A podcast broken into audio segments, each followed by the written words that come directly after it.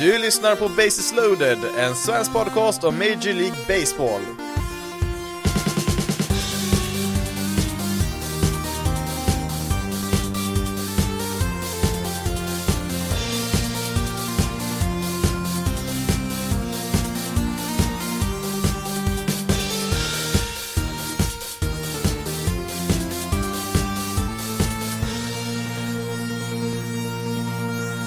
Hej och välkommen till veckans avsnitt av Bases loaded, en svensk podcast om Major League Baseball. Och i detta avsnitt så kommer du få höra om lite gott och blandat från veckan som gick. Bland annat så hade vi ju en no-hitter för andra veckan i rad.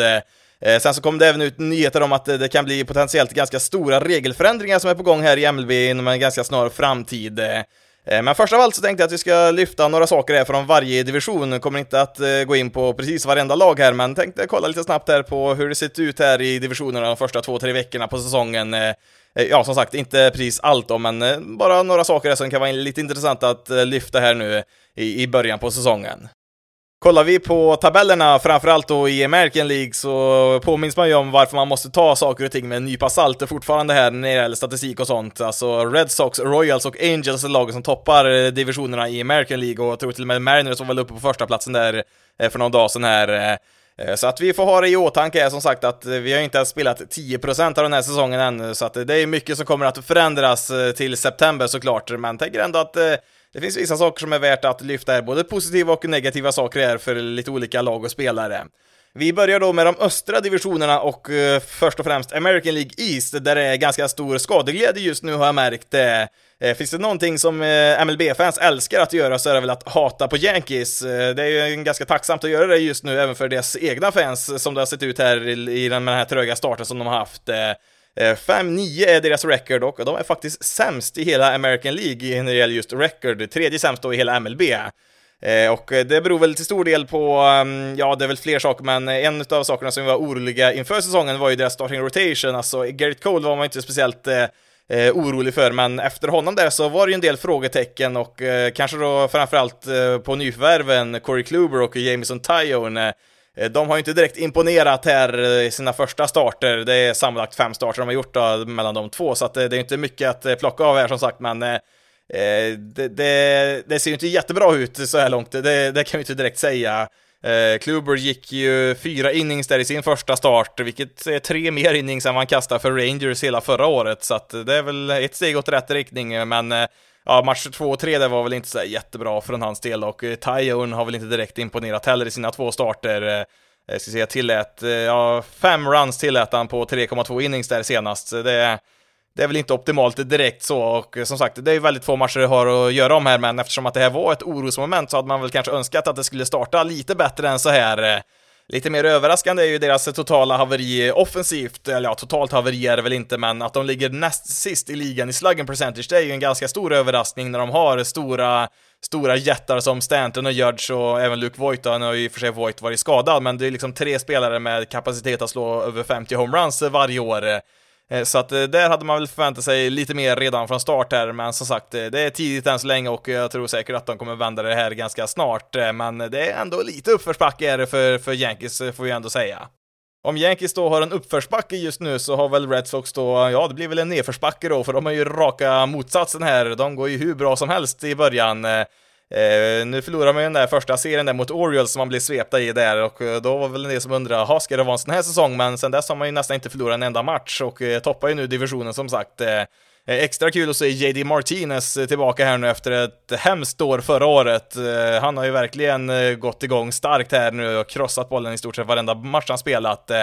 Sen har vi även Bogarts och Devers där har ju också slagit riktigt bra här och det är väl främst offensiven som bär laget här. Vi vet inte riktigt hur hur deras pitching ska hålla året ut här, men eh, offensivt så har de ju ändå en hel del slagkraft eh, fortfarande, trots att de har sålt av en massa spelare, men eh, ja, likt Yankees så kommer väl nog att jämna ut sig även för Red Sox ganska snart här, så att jag skulle nog gissa på att Yankees och Red Sox byter nog plats med varandra i divisionen inom en inte alltför avlägsen framtid. Vidare då till National League East och där har vi som väntat en väldigt tät division och ligger väldigt nära varandra. Alla lagen här kommer nog säkert att göra det en lång tid framöver också om inte något lag totalt tappar. Eh, det är ju en lite haltande tabell här som det ser ut just nu. Mets och Nationals eh, fick ju inte spela sin första serie där, så att det är ju lite olika antal spelade matcher här, men Mets har väl första platsen i alla fall då. Eh, och tror eller ej så vann de faktiskt en eh, Jacob de Grumstart för en gångs skull. Eh, höll väl i och för sig på att sjabbla bort den matchen också här, det var väl i lördags den matchen spelades, men ja, till slut så fick man väl någon boll att studsa rätt så att man faktiskt vann den matchen när han startade här. Eh, annars då så är det väl lite oroligt för Nationals och eh, framförallt Steven Strasberg. Eh, han hade ingen bra första start, tillät ju åtta runs tror jag det var där och såg inte alls bra ut. Eh, han snittar väl 92 miles per hour där när han kastar, vilket är en eh, bra bit under de där 94-95 som han brukar ligga på annars. Eh, nu har han i och för sig då inte kastat sedan 2019 då, eftersom han var skadad hela förra året, så att visst, någon liten minskning skulle man väl kanske kunna se där, men det är inte något vidare bra tecken att komma tillbaka så långt under hans normala nivå där på hastigheten. hade väl tänkt att säga här att det är lite upp till bevis här under söndag kväll då när jag spelar in här att han behöver väl visa att eh, det bara var en första start där som han var lite ringrostig i där, att han skulle behöva komma in och imponera här för att eh, eh, lugna de orostankarna som finns här, men när jag kollar här då, bara för att bekräfta att det verkligen var idag han skulle starta, så ser jag helt plötsligt att då står det en viss Paolo Espino ska starta för Nationals ikväll, och ska jag vara helt ärlig så hade jag ingen aning om vem Espino ens var för fem minuter sedan. Tydligen så startade han väl en match för Nationals förra året och Eh, innan dess så var det väl senast 2017 som han ens var på en MLB-roster, så mm, ja, lycka till till honom såklart då, men det innebär ju då att eh, eh Strasburg placeras på eh, Nationals injured list med en inflammerad axel. Mm. Eh, var ju som sagt inte speciellt eh, hoppfull om, eh, om Nationals eh, chanser innan säsongen, men det här gör ju knappast att det blir bättre och ja, ska vi även lägga till Patrick Corbin här i deras rotation har ju inte Ja, kan vi säga så här, senast tillät han väl nio runs på två innings här, så att eh, det är lite uppförsbacke i Nationals också skulle man kunna säga. På tal om skador så har ju Braves lista på skadade spelare blivit ganska lång här tidigt på säsongen. Det är väl det laget jag har som favorit här i divisionen, men tekniskt sett så ligger de faktiskt sist här. Hade ju ingen jättebra start här, förlorade väl fyra i rad där innan de kom igång lite. Eh, bland annat då så har ju båda deras centerfielders, Pache och NCRT, gått och blivit skadade samtidigt här, lite oturligt. Eh, Eh, sen deras rotation, där har ju Drew Smiley och Max Fried skadade sig och eh, då var ju Mike Soroka borta, borta där sen tidigare. Framförallt Max Frieds eh, skada kändes ju så himla onödig här, alltså i den här matchen som han blev skadad i så tillät han, var det en 7-8 runs där på fyra innings, så det var ju hans tur då i slagordningen där att gå upp och slå och då kan man tycka att ja, det är väl lika bra att plocka ut honom här, det är liksom en förlorad match från honom, lika bra att glömma bort det här, in med en pinch hitter och så kör vi våran bullpen här. Men eh, nej, det tänkte man att, ja, in med honom där och veva lite med slagträet Vad är det värsta som kan hända egentligen? Eh, ja, visst, först nu slog han ju en double då, så att det var väl bra såklart. Och han sprang faktiskt hela vägen runt där och sprang in en run, men i samband med att han sprang ut på basen där så drog han ju baksidan, alltså han sträckte baksida lår eh, i samband med att han sprang runt där, så att eh, ja, det har vi ytterligare ett argument för varför man, varför man borde ha en designated hitter. Och ja, då blev det ändå deras bullpen där efter fyra innings, så att det kändes som man skulle kunna undvikit det ganska lätt där. Och mm, Eh, ja, vi ser väl lite brister där tidigt eh, på Braves roster, alltså visst, nu är det väl eh, lite mer skador än vad man kanske kan förvänta sig här, men de hade kanske behövt ja, ha någon på bänken där som kan kliva in och slå lite grann. Någon fjärde outfielder kanske med lite tryck där i slagträet. Och eh, ja, en spelare med, eh, med lite tryck i slagträet, det fick man ju faktiskt se just den här matchen som Freed blev skadad i, nämligen Adam Duvall eh, som spelar för Marlins numera. Han gick 4 för 5 i den här matchen med ett par homeruns och han hade ju varit eh, nästan perfekt, ja det var kanske att ta i men som läget ser ut just nu då, så hade det väl passat ganska bra om han klivit in där i right field och istället då skickat Acuna in i centerfield då som en vikarie där tills deras ordinarie spelare blir friska där och kan komma tillbaka i spel. Eh, men vänta lite här nu kanske du tänker, spelade inte Duval för Braves? Eh, jo, det gjorde han ju faktiskt innan den här säsongen, eh, men de valde ju att non-tendra honom, alltså de valde att inte erbjuda honom något kontrakt i arbitration, så han blev ju en free agent här under vintern. Det är inte så att han tjänade jättemycket pengar heller förra året, strax över 3 miljoner tjänade han på sitt kontrakt med Braves 2020 och visst, i arbitration så brukar man ju få någon liten, liten löneökning såklart, men det var nog inga jättestora summor det handlade om. Eh, men i alla fall då så skrev han på då som free agent i vintras för Marlins då. 5 miljoner fick han utav dem, så att eh, som sagt eh, inga jättestora summor det handlar om här och de hade nog som sagt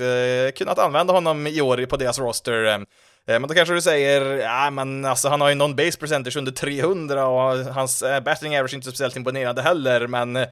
Nej, det, det, har du ju rätt i faktiskt, men eh, om vi säger så här då, om vi sorterar statistiken sedan första september förra året fram tills idag så Eh, om du skulle sortera efter flest homeruns under den eh, tidsperioden eh, så skulle du för någon dag sedan hitta Duvall högst upp på listan, men nu har ju Acuna slagit typ 7 homeruns på varje 15 matcher eller något sånt där, så att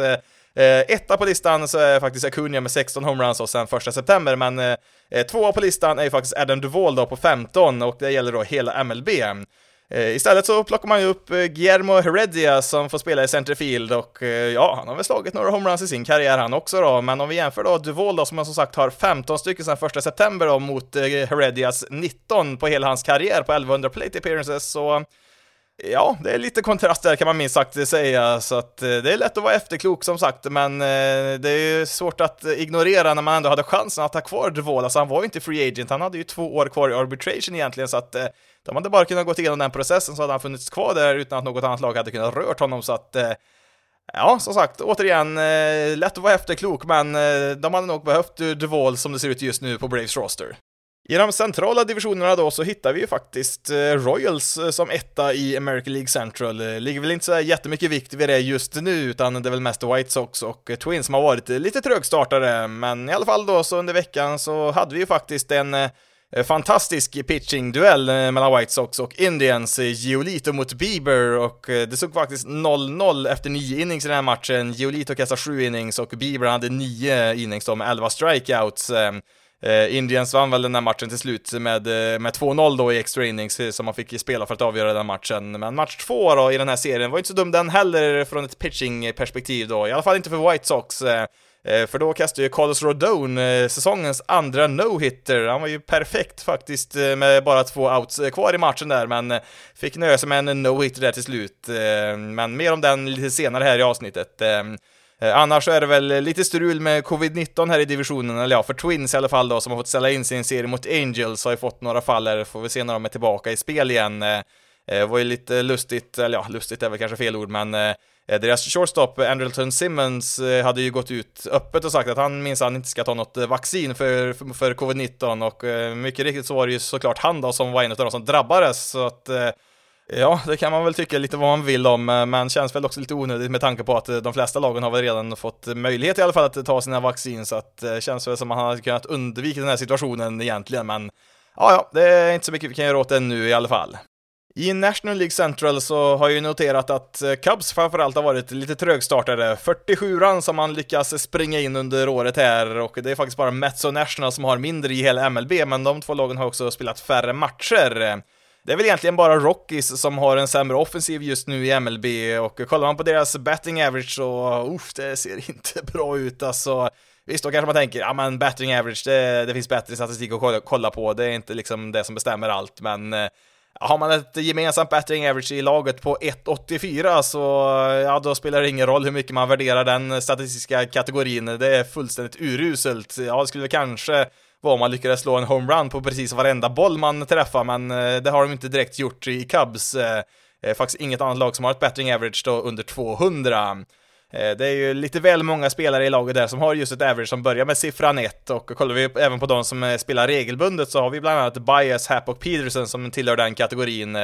Och ja, just eh, uh, Harvey där då, han strikar ut ofta i vanliga fall, men eh, just nu ligger han på 44%. Eh, det är en enormt hög siffra även för honom, och på tal om just strikeouts så har ju då Cubs som lag 28% strikeouts, vilket är sämst i hela MLB och kan väl konstatera att en rebuild kommer närmare och närmare för varje dag som går här om inte någonting händer.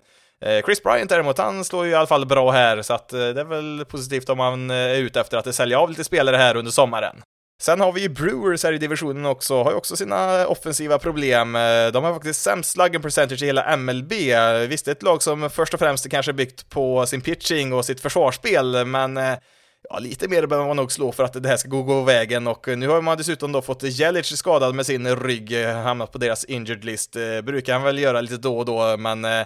Eh, ja, vi får väl se. Det ska väl inte vara något jätteallvarligt, men eh, det har varit lite oroväckande med hans siffror också när vi kollar på just eh, för hur mycket styrka han slår för, för sammanlagt då så ser hans siffror väldigt bra ut på de mesta kategorierna i alla fall. Har ju ett högt average och en hög on base percentage, men har ju absolut ingen styrka alls. Han har ju bara en extra base hit i år för en double då och noll home runs.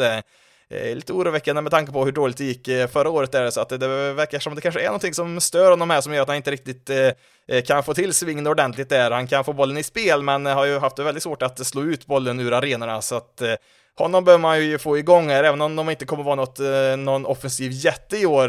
Brewers, så ja, man behöver i alla fall Jelic här då, så att de kan få någonting producerat offensivt. That one down the line toward the corner, it goes! Gone! Oh, Walshy, you made it 10! Continues to crush the baseball.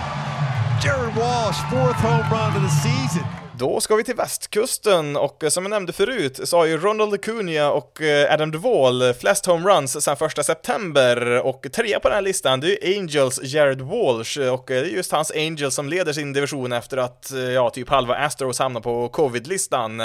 ja, nu var det väl kanske inte halva laget då, det var väl lite överdrivet kanske, men eh, det var ju ändå spelare som Altuve, Bregman och Alvarez där som, eh, som varit ur spel här ett tag, som såklart gör att det, det blir lite svårare för dem här efter den här heta starten som de haft. Nu är det väl inte bekräftat att de själva har blivit infekterade, utan det är väl möjligtvis att de har varit i kontakt med någon som har blivit drabbad, eller om det har någonting med vaccinet att göra, det vet jag inte om det har kommit ut än, men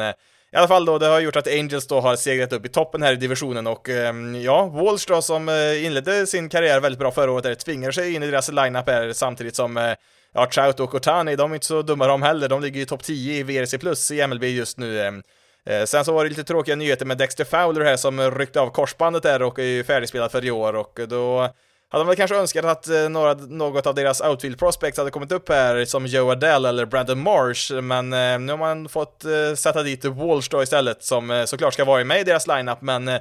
jag hade väl gärna hållit kvar honom på första bas som han spelat mest i år och då plockat upp någon av deras prospects. För som det ser ut just nu då så har man ju placerat eh, Walsh i right field då som Fowler spelar och det innebär ju då att eh, Albert Pujols blir ordinarie på första bas vilket eh, Nej, nu tänkte jag säga något dumt här, så nu lämnar vi det där, men eh, det, det är klart att Pujols har väl sett bättre dagar kan jag väl säga. Måste ju också flika in lite snabbt här om Oakland Ace, som jag i förra avsnittet pratade om eh, deras rekorddåliga inledning på säsongen. Eh, de har ju vänt det här nu och har ju faktiskt ett record över 500 och framförallt Jed Lowry har ju Ja, kanske kommer ihåg han. Han var ju ganska bra med Oakland där för ett par år sedan och fick ju ett hyfsat kontrakt med Mets här för 2019 och 2020. Eh, det blir ju totalt nio matcher på de där två åren med Mets, eh, med alla skador som han åkte på. Åtta plate appearances, inte en enda hit, och ja, en walk fick han väl ihop där. Eh, ett totalt fiasko med andra ord för Mets, som gjort en och annan suspekt värvning de senaste åren. Men ja, såklart så alltså kommer han ju tillbaka här till Oakland på ett minor League-kontrakt och har ju gått in här nu och dominerat det första han gör har ju nu på de här få matcherna som har varit samlat ihop 0,8 wins above replacement, vilket är tolfte bäst i hela MLB just nu, så att eh, ja, vissa lag har väl mer, ja, vet inte, tur vet jag inte om det är rätt ord, eh, men eh, vissa lag har väl mer, mer framgång med vissa spelare än andra lag kan vi väl säga då, för att uttrycka det snällt här för Mets skull. Till sist har vi då National League West, där vi har sett början på kanske säsongens mest intressanta serie, den mellan Dodgers och Padres. De ska ju mötas 19 gånger i år och nu har vi då de tre första matcherna som spelas här under helgen. När jag spelar in så har två matcher spelats där Dodgers har vunnit eh, båda två. Eh, och årets match då kanske så här långt, det var ju första mötet där i fredags när det svängde fram och tillbaka, fram och tillbaka. Jag tror Padres använde väl i princip varenda pitcher i sin bullpen i den här matchen, som gjorde att eh, till slut hade de ingen kvar och då fick ju deras infielder Jake Cronenworth eh, snällt eh, gå in där och börja kasta. Han har i och för sig varit en tvåvägsspelare och kastade väl några innings i i AAA för ett par år sedan då, men det var ju ett tag sedan som sagt och ja, strike ju faktiskt ut Mookie Betts av alla spelare och sen så var det en ganska bisarr situation här när Ja, han mötte ju då David Price eh, som eh, fick gå in och slå då, för de hade slut på pinch hitters i Dodgers. Så, alltså en, en position player då för Padres kastar till en pitcher och ja, Price fick ju faktiskt slagträ på bollen där och skickade iväg en flyball till left field och eh, nu hade man ju slut på spelare överlag här i Padres, så att vem är det som då står där i left field och fångar den här bollen? Jo, det är såklart Joe Musgrove, deras starting pitcher som kastade en no-hitter förra veckan, så att ja, en liten skum situation som inte direkt uppstår så ofta, kan vi inte direkt eh, påstå, men eh, ja, som sagt, eh, kanske årets match så här långt då mellan eh, de här två lagen, så förhoppningsvis kommer man ha många intressanta bataljer mot varandra under året. Till sist ska vi nämna San Francisco Giants som har gått oväntat starkt här i början, ligger faktiskt eh, före Padres här i divisionen eh, med någon match försprång här. Eh, framförallt deras starting pitchers har ju sett riktigt bra ut. Eh, fyra stycken av dem har en ERA under 3,2 på tre starter och eh, de har ju en tydlig profil på vilken typ av pitcher de tycker om här. De ska inte ha för mycket strikeouts, de ligger lite under snittet där, men de ska inte ha så mycket walks heller, där ligger de ganska långt under snittet allihopa och sen ska de ju också helst då ha representerat någon gång under sin karriär Cincinnati Reds.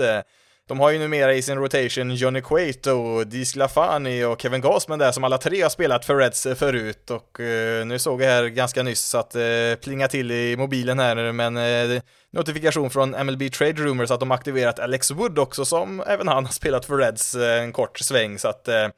Ja, det är tydligt vilken typ av pitchers man tycker om här i Giants och det har ju funkat bra så här långt. Eh, ska jag väl ändå när vi är inne på det ge lite beröm till Reds pitching coach Derek Johnson som kom, eh, kom dit eh, för ett par, tre år sedan från Brewers. Har ju gjort ett jättejobb där med Reds och har haft bra pitching där nu i ett par år så Ja, Johnny Cueto var väl kanske aldrig en del utav um, hans regim där i, i Cincinnati, men uh, Ja, de har ju som sagt haft eh, ganska stora framgångar med sin eh, pitching där de senaste eh, två, tre åren och Derek Johnson är ju såklart en av nyckelpersonerna där, så man får väl hoppas att de gör allt vad de kan där, Reds, för att ha kvar honom där. Det är ju lätt hänt att någon av de här storlagen kommer och erbjuder en massa pengar till sådana här coacher som har stora framgångar i mindre lag då, men om Reds är smarta är så gör de väl allt de kan för att behålla honom där, kosta vad det kosta vill.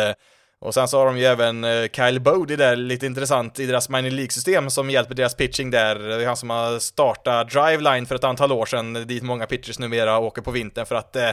ja, slipa på sin teknik så de kan kasta hårdare och eh, ja, bättre helt enkelt och även lära sig att kasta nya kast och sånt där som många haft stora framgångar med så att på pitching-sidan så är det mycket intressant som händer med Reds just nu då och får väl hoppas för deras egen skull att de kan behålla den här strukturen som man byggt upp här nu de senaste åren.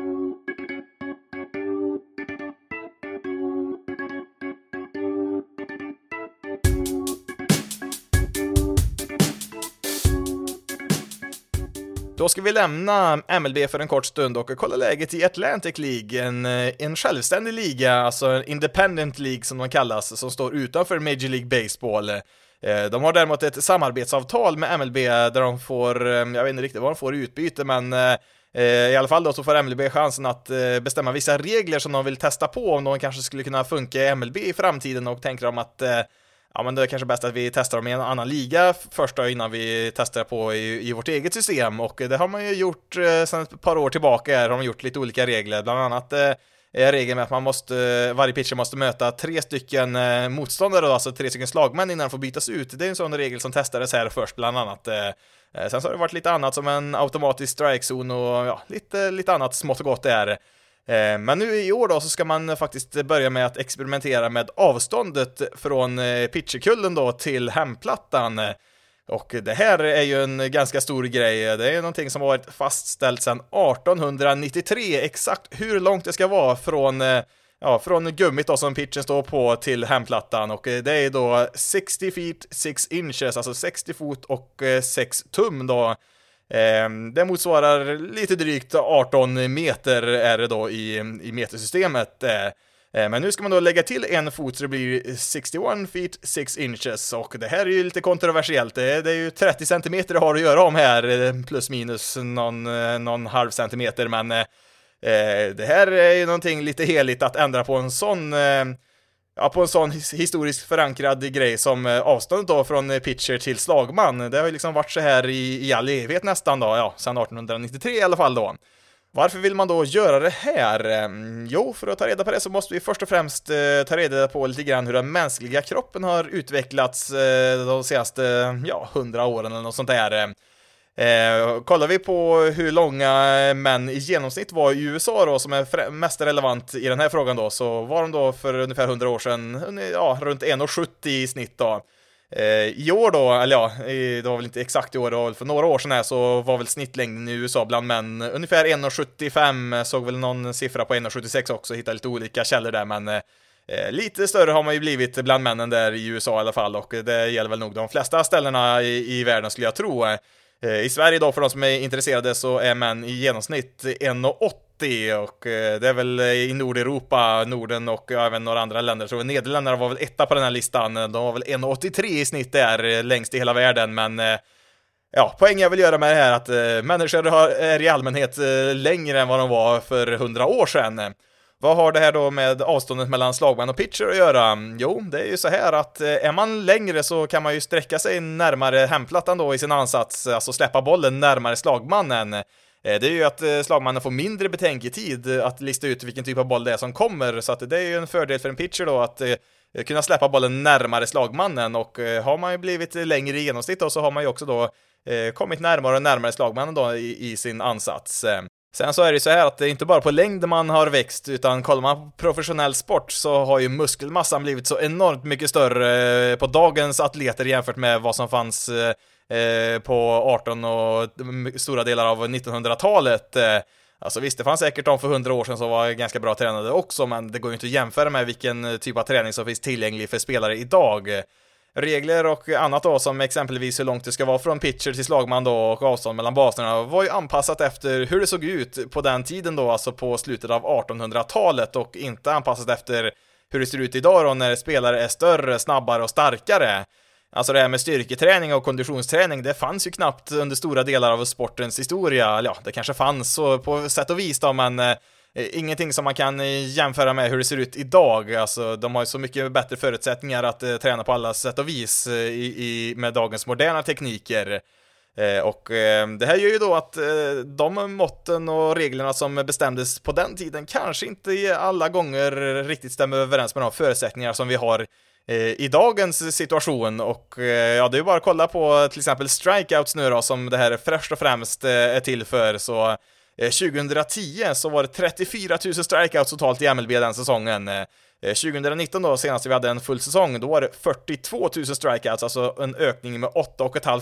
strikeouts på bara, på bara 10 säsonger. Det är, det är en enorm skillnad och under den tiden så har ju snitthastigheten från en pitcher ökat från 91,6 miles per hour då 2010 till 93,3 2019. Det är det är en väldigt, väldigt stor skillnad. Det låter inte så jättemycket från 91 till 93, men när man pratar om snitthastighet så är det en väldigt, väldigt stor ökning. Eh, det är bara att kolla på hastigheterna vi ser idag, alltså för inte så länge sedan så var det ju väldigt imponerande när någon kastade 100 miles per hour. Eh, det var ju någonting man inte såg varje dag, men nu har ju varenda bullpen minst ett par, tre stycken som kan göra det, känns det som. Eh,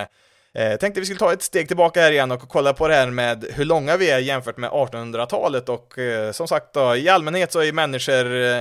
ja, helt enkelt längre än vad de var förr i tiden för att uttrycka det väldigt simplistiskt. Men eh, jag skulle nog vara ganska säker på att eh, eh höjdskillnaden då mellan spelare på 1800-talet inom baseball och spelare idag är ännu större än den skillnaden som finns eh, Eh, bland den allmänna befolkningen då. Och det här har väl inte något bevis för så sett, eh, det har jag inte men eh, utan det, det är väl mer en slutsats man dragit efter att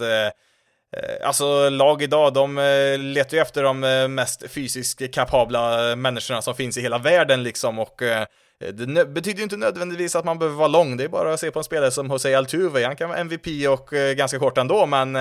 Eh, det är såklart att ehm, en större kropp då till en viss gräns såklart då har ju mer potential att eh,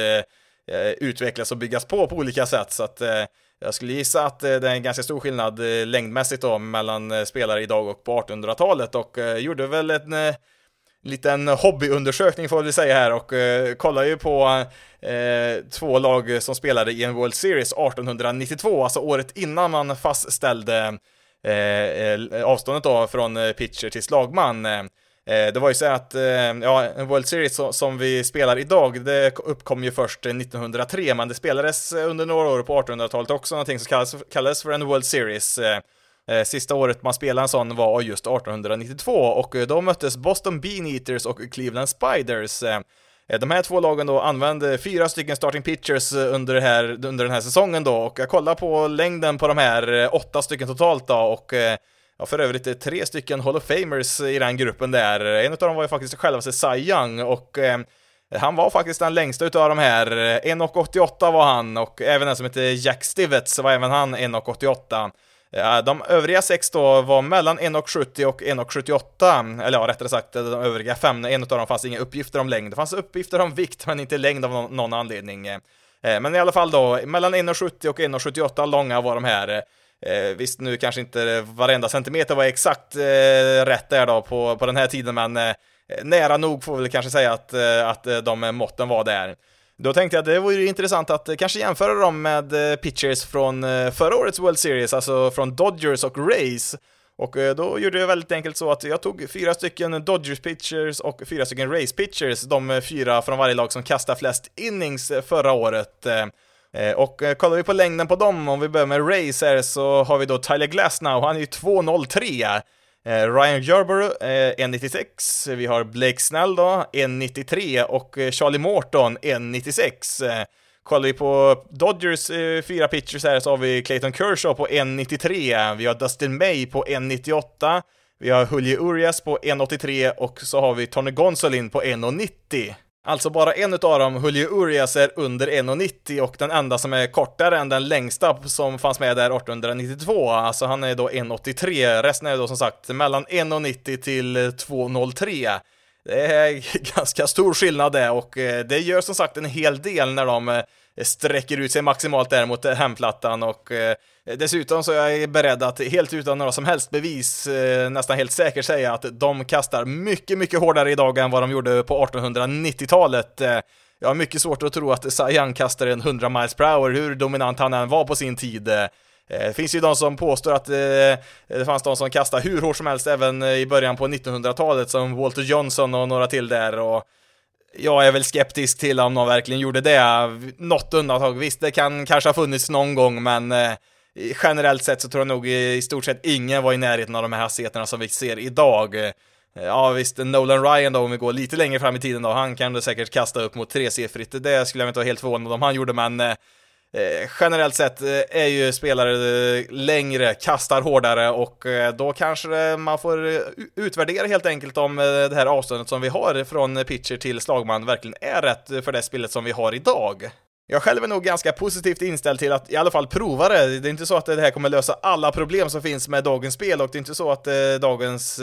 MLB på något sätt är urtråkigt att sitta och titta på, men det går ju inte att liksom eh, blunda för hur mycket mer strikeouts det har blivit och det har ju stigit eh, liksom varje år i över tio år nu. Eh, jag tror att 2010 någonstans där så var det i snitt 18% strikeouts i ligan. Förra året så var det väl 23%. Det, det är också en enorm skillnad på så kort tid, så att någonting behöver man kanske göra och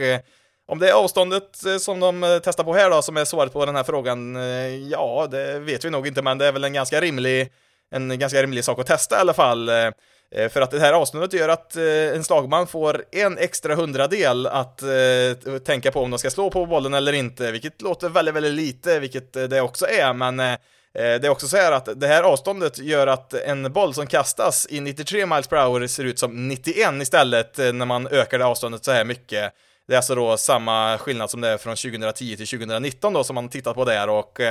Ja, det är ju då det här man ska testa i Atlantic League under den här säsongen. Man kommer första halvan att spela med, med det vanliga avståndet som man haft tidigare då i över 100 år, men sen efter halva säsongen då så kommer man att flytta bak eh, eh gummit då och eh, kullen som de står på 30 cm ungefär och sen ska de väl jämföra lite grann och se vad resultaten blir och det Ja, det blir intressant att se eh, helt klart. Eh, får vi se om det sen eh, kommer att bli Eh, en ny standard helt enkelt för sporten. Alltså, det, det kan ju bli olika mått på olika platser också såklart. Det ser vi bland annat i hockey. Eh, har vi här i Europa har vi ett mått på planen medan de i USA har en lite mindre, så att eh, det vore väl inte helt unikt att olika ligor har lite olika dimensioner på sin plan, men jag skulle nog gissa på att ganska många följer efter MLBs exempel så att sporten blir så enhetlig som möjlig. Eh, det blir ju annars intressant hur man ska utvärdera high school och college-spelare då om eh, de då kastar från ett kortare avstånd då jämfört med vad de skulle få göra eh, i MLB, men ja, det är väl lite senare problem att reda ut där och ja, som sagt, jag är positivt inställd till att testa det i alla fall och jag tror nog att det här skulle kunna vara en rimlig lösning framöver. Jag vet ju att det är en väldigt traditionell sport där som man helst inte vill ändra allt för mycket i jämfört med andra sporter, men Samtidigt så måste man ju se, se det för vad situationen är här, alltså att eh, vi har helt andra förutsättningar idag på så många olika sätt eh, jämfört med eh, hur det såg ut på 1800-talet. Eh, det, det, är inte en helt annan sport, men det är en väldigt, väldigt annorlunda sport jämfört med hur det såg ut då och då måste man helt enkelt anpassa sig efter den verklighet vi lever i just nu. Det innebär ju då att man helt enkelt får anpassa regler och dimensioner på olika sätt för att helt enkelt göra att spelet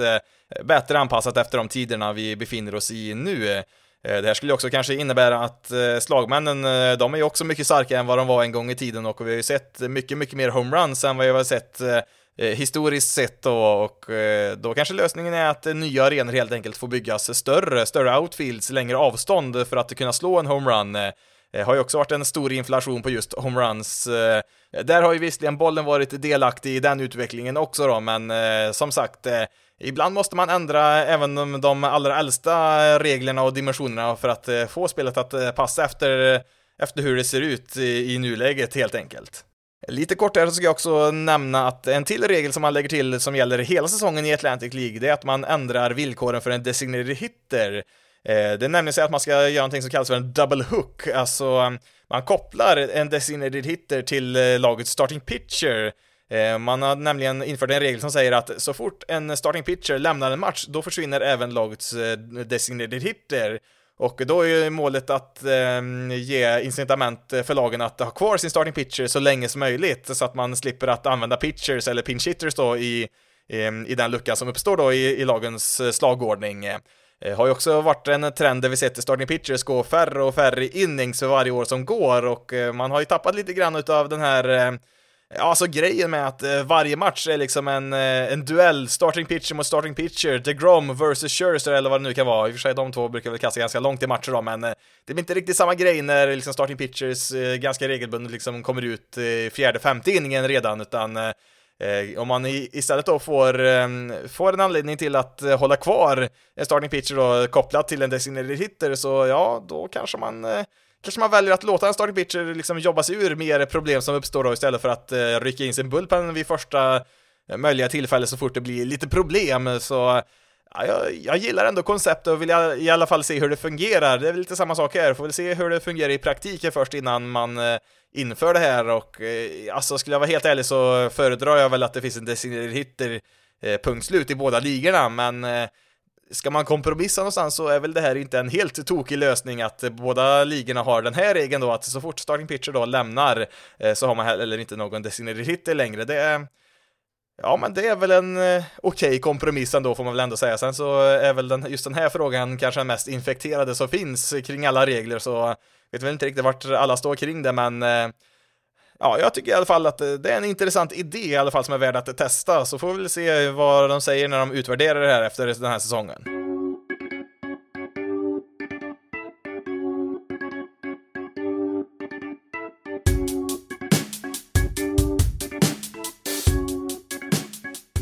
Three and two. Rodon. To third. Moncada. Carlos Rodon has thrown a no-hitter after everything he's been through. The elbow and the shoulder were supreme on April 14th, 2021. Ny vecka, ny no-hitter. Ja, det gick ju snabbt det där att få en till. Hade ju en förra veckan också från Joe Musgrove, men denna gång så var det ju Carlos Rodon, White Sox starting pitcher, som eh, skrev in sig i historieböckerna och eh, det var ju ganska oväntat att han skulle kasta en, alltså att eh, Joe Musgrove då för Padre skulle kasta en, eh, det var väl ändå på något sätt tänkbart. Han kanske inte var på toppen av listan över kandidater, men eh, jämför då med Rodon så fanns väl han knappt ens, han fanns inte ens på den här listan som han hade över tänkbara kandidater. Eh, retsamt nära var han ju också en perfect game, alltså han hade bara två outs kvar eh, när han tappade sin perfect game där. Han träffar ju slagmannen där på foten, den bakre foten träffar han väl på tårna där. Så att eh, det blir då bara, eller, bara och bara en no-hitter då istället för en perfect game. Eh, eh så ju däremot inte så himla dominant ut där från första början. Det är ju först i fjärde inningen som han hade sin första strikeout, så att eh, det var inte en helt eh, konventionell no-hitter, men han tog sig i mål till slut. Eh, det var ju, ja det var väldigt intressant just där i sista inningen där. ja, det bästa är ju om ni kollar på videoklipp som finns där från, ja dels från hela no-hittern då, men just, ja det var en situation där när eh, Indiens eh, slagman, han fick ju iväg bollen där och eh, Ja, istället för att bara fortsätta springa så slänger han sig, alltså han försöker glida in i första bas där med händerna först och eh, Jose Abreu, han går in nästan i split där för att eh, få sulan på första bas där och ja, han lyckas ju till slut där och precis eh, klämma in foten innan, eh, innan eh, Indienspelaren då får handen på basen där och ja, det, ja, det ser väldigt bisarrt ut. Eh. Dessutom så missar han ju med, med högerarmen som är längre fram än vänsterarmen då som han får på basen till slut så att eh, ja, som sagt, eh, det, det, är nog lättare att ni ser det på klippet själva där eh, och just när det här händer så tänker man att ja, men nu kan ingenting gå fel, även i en sån här knepig situation så får de det att stämma liksom. Nu går ju allting White Sox väg här, eller rättare sagt Rodons väg här. Men så direkt efter den där händelsen då så träffar han ju då en spelare på foten där så att han tappar sin perfect game, men ja, i vilket fall som helst en enorm insats här från Rodon som eh, har haft en väldigt jobbig karriär. Han draftades som nummer tre 2014, ett ganska hypat pitching prospect och hade ju en ganska bra start på karriären där de två första åren där. Sen eh, har han ju åkt på en axeloperation 2017 och en Tommy John-operation sen 2019. Eh, eh, har ju inte gått jättebra här på sistone egentligen för honom och eh, han åkte ju på en sån här non-tender som även då Adam Duvall gjorde som jag pratade om tidigare. Eh, alltså de valde att inte ta tillbaka honom eh, till den här säsongen egentligen då eh, och Eh, till slut så kom man väl fram till att ja, men du kan få komma tillbaka då som vår, eh, som vår femte starter, du får tre miljoner där för att kasta och ja, det var ju inte ens säkert att han skulle få något jobb som en starting pitcher i vintras här. Kanske hade fått sadla om till en reliever för att eh, hålla sig kvar i MLB här. Nu är han i och för sig bara 28 år, jag trodde faktiskt han var äldre, men han är inte jättegammal sådan, men Alltså hans karriär som starting pitcher var ju nog ganska hotad egentligen här efter förra säsongen, men eh, han har ju minst sagt inlett den här säsongen väldigt, väldigt bra. Han har startat två matcher då, så att eh, förutom sin no-hitter så har han ju en start till, där jag inte tror han tillät någon run heller, så att eh, Ja, så här långt så ser det ju bra ut och alltså det är ju en spelare som har haft, kanske fortfarande har, ganska stor potential. Alltså det finns en anledning till att han draftades som nummer tre där 2014, alltså eh, han var ju också väldigt bra där de första åren som sagt där i MLB och sen är de här operationerna då har ju ställt till en hel del så att eh, jag får väl hoppas att han kan hålla sig frisk här nu så kanske vi kan få se någonting utav den här potentialen som vi faktiskt eh, fick se där i början av hans karriär. Eh, lite extra kul också när det är en sån här spelare som haft så mycket motgångar som får kasta en sån här match. Då ska vi avsluta med veckans statistik och veckans bästa och sämsta. Och eh, veckans statistik, det hämtar vi faktiskt eh, delvis då från eh, Rodones no-hitter när vi ändå pratar om den här. Och eh, då är det ju så här att Jadir Molina, han blev ju under veckan den enda i MLBs historia att vara catcher för ett och samma lag i 2000 matcher. Det är en ganska mäktig milstolpe. Eh, man har däremot inte fångat eh, någon no-hitter under alla de där åren. Senast en eh, Cardinal kastade en no-hitter var 2001 och Modlina gjorde sin debut 2004. Samtidigt har vi då Zach Collins som i veckan gjorde sin 16 match som catcher när han fångade Rodones no-hitter. Ganska intressant att se en ikon som Molina under alla sina 2000 matcher aldrig fångat en no-hitter och så kommer då Zach Collins då in där och redan i match 16 då får fånga en och då är ändå Collins eh, en eh, spelare som eh, Ja, kanske egentligen inte en catcher, eller ja, det, det, är han ju såklart, men kanske ses mer som en framtida första basman eller som en designated hitter. Också en ganska osannolik hjälte i det här, för det krävs ju både en pitcher och en catcher i de här situationerna, så visst, det är väl mest upp till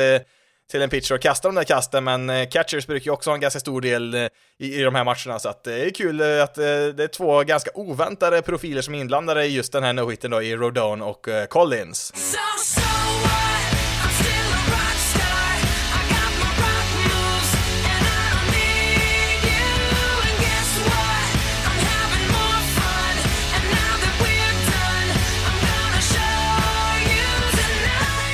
Oj då, nu har han väl totalt tappat det här Jonathan kanske du tänker och ja, det kanske jag har gjort, men eh, eh det var så där det lät för 4589 dagar sedan när denna låt eh, So What utav Pink eh, la på topplistorna där borta i USA, vilket är lite mer än 12 och ett halvt år sedan. Så mm, ja, där har ni den lilla kuriosan där som ni får göra vad ni vill med. Men vad har det med MLB att göra? Mm, ja, egentligen ingenting, men eh, eh, det var ju då som eh, Sean Casmar senast spelade i MLB. Det var den 23 september 2008 när han gjorde sin senaste MLB-match. Det var hans 19 och sista match där för den säsongen med Padres. Eh, Eh, sen dess då så har han spelat nästan tusen matcher i AAA i lite olika lag. Eh, han kom till Braves organisation 2013 och trots att de har genomgått en rebuild sedan han kom dit så fick han aldrig spela i MLB. Eh, det vill säga då tills i lördags här när han äntligen fick chansen igen, 36 år gammal när han fick ett plate appearance Eh, tyvärr då så slog han in i en double play då, men eh, det är ändå riktigt stort att eh, komma tillbaka så här efter att ha harvat runt i ganska oglamorösa förhållanden som det är i minor League-systemen, även i den högsta nivån där i AAA. Det är såklart många som älskar att spela baseball, men frågan om det är någon som älskar det mer än vad Casmar gör för att ja, åka runt i över ett årtionde på alla bussar till alla liksom halvsunkiga arenor som finns där. Ja visst, i AAA flyger man väl lite grann ibland också då, men Ja, det är stort gjort av Casmar såklart, alltså att komma tillbaka så här igen, 36 år gammal och eh, visst, det kanske inte blir ett enda plate appearance till i MLB för honom, men eh, ja, det här ska han ha all cred i världen för, om det, även om det inte blir något mer för hans del. Eh, kollar vi på Braves roster så finns det bara två stycken andra spelare som eh, var i MLB samtidigt som Casmar spelade senast där 2008, eh, Charlie Morton och Pablo Sandoval som båda var eh, rookies det året de också, och det här är faktiskt längsta glappet mellan Eh, mellan två MLB-matcher som en spelare gjort sedan 1940-talet, eh, så att eh, hatten av till Casmar som också då får bli veckans bästa. Veckans sämsta, det går till Yankee-fans, eller ja, rättare sagt några stycken utav dem i alla fall, som jag tror inte att någon av er som lyssnar på den här podden ingår i den gruppen, men det var ju några som i protest kastade in bollar på planen där när de höll på att förlora en av matcherna. Det har ju inte gått så jättebra här i inledningen, det har jag ju nämnt här, men Eh, Eh, när de gjorde det här så har det gått 13 matcher. Det, ja, alltså visst, de har sämst record i American League, det, det, har de och det är faktiskt första gången de har det sedan 1998 och hur gick det det året? Eh, ja, de vann 114 matcher, vann 14 av 17 slutspelsmatcher och ja, de svepte Padres i det årets World Series, så att eh, andas in, andas ut så ordnar sig nog det här också ska ni se till slut. Eh, Eh, visst, man har lite andra förväntningar i New York än vad man har på andra platser, det får man vara fullt medveten om, men eh, vi har ju som sagt inte spelat ens 10% av säsongen och även de absolut bästa lagen historiskt sett har ju sina formsaker under en sån här lång säsong, så att eh, försök bara att slappna av, ta några djupa andetag och försök att ignorera att alla tycker att det är skitkul när det går dåligt för Yankees. Då får det räcka här för veckans avsnitt. Eh, ska jag försöka fokusera här nu under veckan på att få ut de här sista lagen som jag skrivit om här inför säsongen. Hade ju tänkt att vara klar här innan säsongen började, men sen så blev det tyvärr lite strul med hemsidan där som gjorde att eh, det, blev lite lite grus i maskineriet, men som sagt, ska jag försöka få klart de här sista fyra, fem lagen eller vad det är kvar här att skriva om. Jag tror nästa lag är Mets som jag ska skriva om här under Ja, det blir nog under måndagen här då, samma dag som det här avsnittet kommer ut på, och det hittar ni då på basisloaded.se. Du kan följa Basis Loaded på Twitter, Facebook och Instagram. Då letar du upp basisloaded.se. Du kan även mejla till basisloaded.se gmail.com. Du får även jättegärna betygsätta och skriva omdömen om den här podcasten där du lyssnar på podcast, eh, för det hjälper andra att hitta den här podden. Men nu har jag pratat tillräckligt för idag. Mitt namn är Jonathan Fabri. Tack så jättemycket för att du har lyssnat på detta avsnitt av Basis Loaded. Ni får ha det så bra där ute, så hörs vi i nästa veckas avsnitt.